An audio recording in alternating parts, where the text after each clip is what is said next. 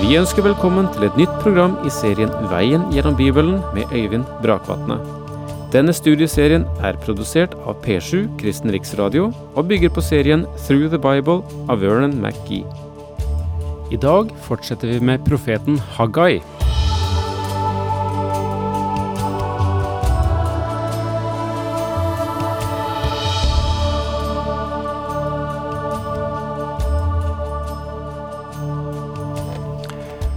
Det finnes et eget fag som heter historiefilosofi. Det går ut på Dette faget går i korthet ut på ikke bare å notere hva som skjer i historien, men hvorfor. Hvordan henger dette sammen? Hva er bakgrunnen for det? Um, og denne profeten Haggai som vi har med å gjøre nå, han gir oss en liten bit historiefilosofi som er verd å ta med seg.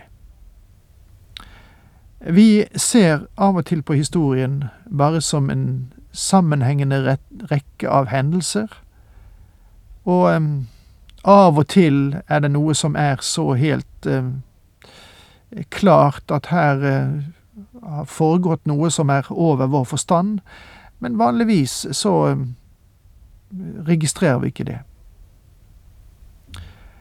Israel var borte i en masse vanskeligheter. Men de hadde aldri stilt seg spørsmålet hvorfor. De hadde aldri filosofert over det. Så kommer Gud til dem gjennom profeten Haggai og sier, hør her, legg merke til hva som skjer med dere. Og så forteller Haggai noe som gir dem en, et annet syn på selve historien, nemlig at Gud har sin finger i det som skjer. Og at det som skjer, er ikke bare det at de har fått dårlig avling, og at det har vært mye tørke, og at det er klimaforandring. For eh, det har det jo vært opp gjennom historien, og det ser faktisk ut til at vi er inne i nå. Men, eh, men hva er årsaken? De hadde bare registrert dette som ting som skjedde, og hadde aldri stilt spørsmålet hvem står bak. Og så viser det seg at det er Gud som har noe med dette å gjøre. Det er Han som har grepet inn for å få dem til å tenke, for å få dem til å dreie om.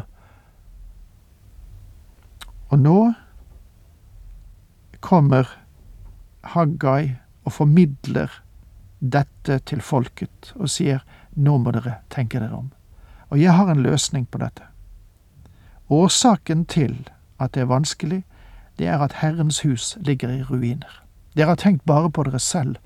Nå må dere omprioritere og sette det som har med Gud å gjøre, først, og da er det mye som vil komme på rett plass. Det er den utfordringen som Gud gjennom Haggai gir Israels folk. Og så kommer svaret på utfordringen For vi ser hvordan israelsfolket tar dette.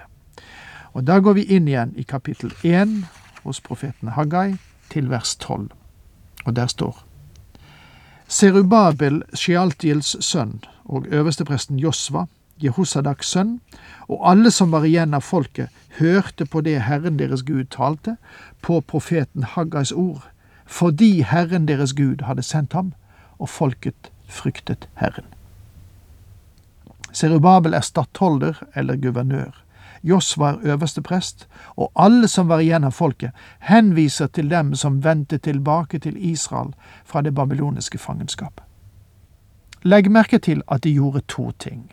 For det første, de var lydige mot Gud, som Samuel hadde sagt til en ulydig konge tidligere, lydighet er bedre enn slaktoffer, og villighet er bedre enn fett av værer som det står i første Samuels bok kapittel 15 vers 22.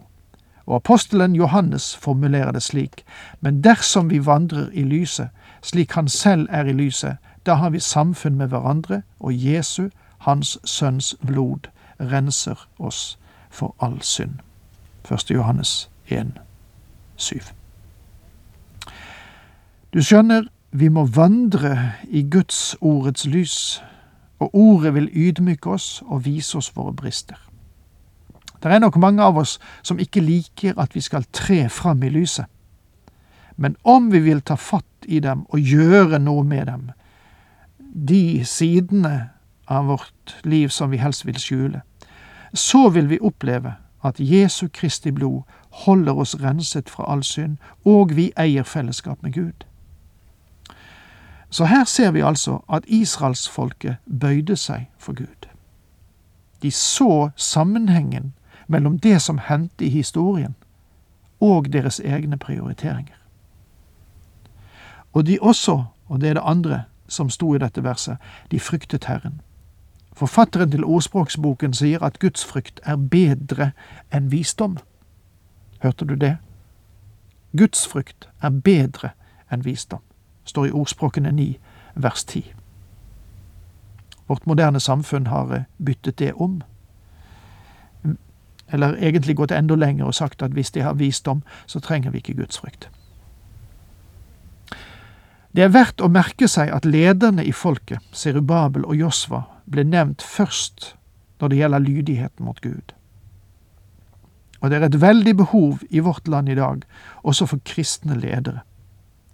Det er ledere som vet i hvilken retning Gud beveger seg for tiden som ligger foran.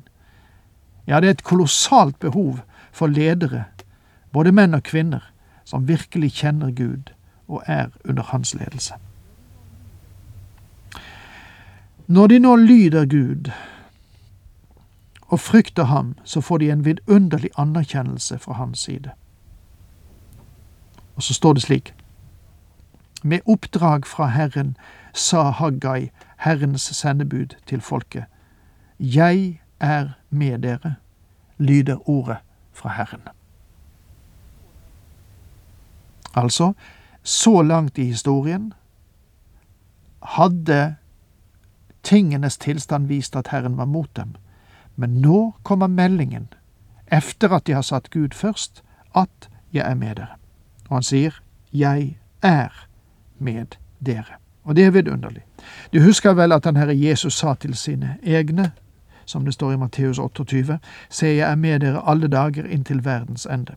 Og legg også merke til at hans løfte om at han skulle være med dem, hvilte på deres lydighet. Gå derfor ut og gjør alle folkeslag til disipler, idet dere døper dem til Faderens, Sønnens og Den hellige ånds navn, og lærer dem å holde alt det jeg har befalt dere. Og se, jeg er med dere alle dager inntil verdens ende.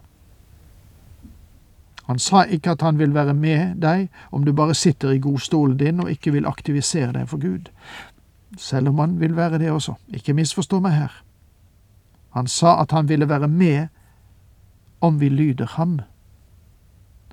Og Det er selve sentralpunktet for velsignelse og fellesskap i hele tatt. Og du kan ikke ha noe bedre enn det. Legg nå merke til at lederne går entusiastisk til verks. Fantastisk verk som står. Herren vakte slik iver hos Serubabel, Skyaltiels sønn, stattholderen i Juda, og hos øverstepresten Josva, Jehosadaks sønn, og hos alle som var igjen av folket, at de kom og arbeidet på huset til sin Gud, Herren allherrs Gud. Det er veldig viktig å se ledersjiktet i et folk i aktivitet. Serubabel var den politiske leder, stattholderen. Han sto i den kongelige linje, og var sønn av Shealtiel, som betyr å be Gud i bønn. Og Josva, øverstepresten, var Jehosadaks sønn, og han var øversteprest da babylonerne invaderte folket. Så her ser vi at den politiske og den religiøse leder sammen med folket gjør Herrens gjerning. Det andre budskapet var nå gitt, og Haggai daterer det. Det var den 24. dagen i den sjette måneden i det andre regjeringsåret til kong Dareios. Og det er 24. september år 520 før Kristus. Det første budskapet, som vi har merket oss, ble gitt den 1. september i samme år. Det var da Gud utfordret dem. De hadde svart på denne utfordringen hadde kommet sammen, planlagt og organisert prosjektet, de var i ferd med å skjære tømmer og var begynt å bygge tempelet. Og nå, på den 24. dagen, gir Haggai dem det andre budskapet fra Gud, Og det budskapet dreier seg om at de kan være viss på at han skal være med dem. Så her gikk en tre ukers tid der de fikk tenke seg om. Haggai var en ordenskar, noe hans bok bærer preg av. Han var også en administrator.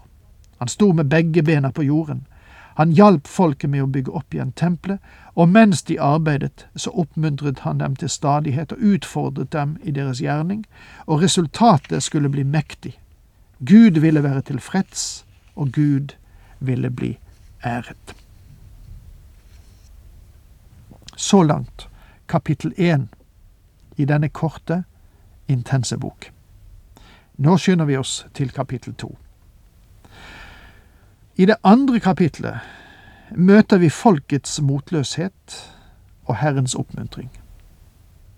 Det at dette andre tempelet ble så mye mindre prangende og strålende enn Salomos tempel, fikk skuffelsen og motløsheten til å bre seg.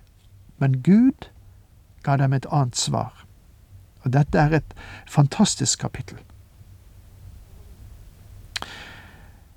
Så går vi inn i teksten, altså kapittel 2 vers 1. Den 21. dagen i den sjuende måneden kom Herrens ord ved profeten Haggai, og det lød så. Legg merke til at dette fant sted i den syvende måned. Forrige gang de hadde hørt Guds budskap til oppmuntring, var i den sjette måned. Så nå hadde de jobbet én måned. De hadde brukt ca. 24 dager på å organisere seg og gjøre klart fundamentet, og nå begynner tempelet å reises. Det er stor entusiasme når de ser resultatet av sitt arbeid, og de ønsker Guds oppmuntrende tilsagn. Jeg er med dere. Og Nå kommer vi til den andre fase, som dreier seg om mismotet. Si til Serubabel, Sjealtiels sønn, stattholderen i Juda, og til øverstepresten Josva, Jehosadaks sønn, og til dem som er igjen av folket. Altså, dette budskapet er rettet til den samme folkegruppe som Gud hadde oppmuntret i det foregående kapittel, de samme lederne og de samme menneskene. Og her dukker den andre komplikasjonen opp som Haggai må rede ut når han profeterer til dette folket. Er det ennå noen igjen av dere som har sett hvor herlig dette huset var før, og hva synes dere om det nå? Ser det ikke smått ut? Mange av dem som hadde vendt tilbake fra fangenskapet i Babylon, kunne huske, selv om de hadde vært meget unge ved den tiden, skjønnheten og rikdommen i Salomos tempel. Dette lille tempelet som de nå hadde satt opp, så ut som en låvebygning sammenlignet med den herlighet og reisning som Salomos tempel hadde hatt. Selv om Salomos tempel ikke hadde vært et stort tempel, hvis vi sammenligner det med andre templer, så kunne de likevel huske den vidunderlige utsmykkingen ved tempelet, alt gullet og juvelene og sølvet som prydet dette tempel, den verdi som er antydet, for rikdom i Salomos tempel varierer fra 30 millioner til 150 millioner kroner, og da blir dette småtteri, og det ga grunn til mismot. Det får vi komme tilbake til senere, for nå er tiden ute. Takk for nå, Herren med deg.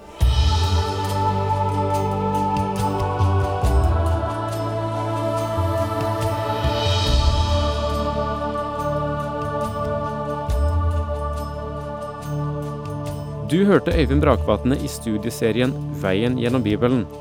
Serien bygger på et manus av Vern McGee. Har du spørsmål eller kommentarer til programmet, kan du sende en e-post til vgb krøllalfa p7.no. Takk for i dag, og på gjenhør.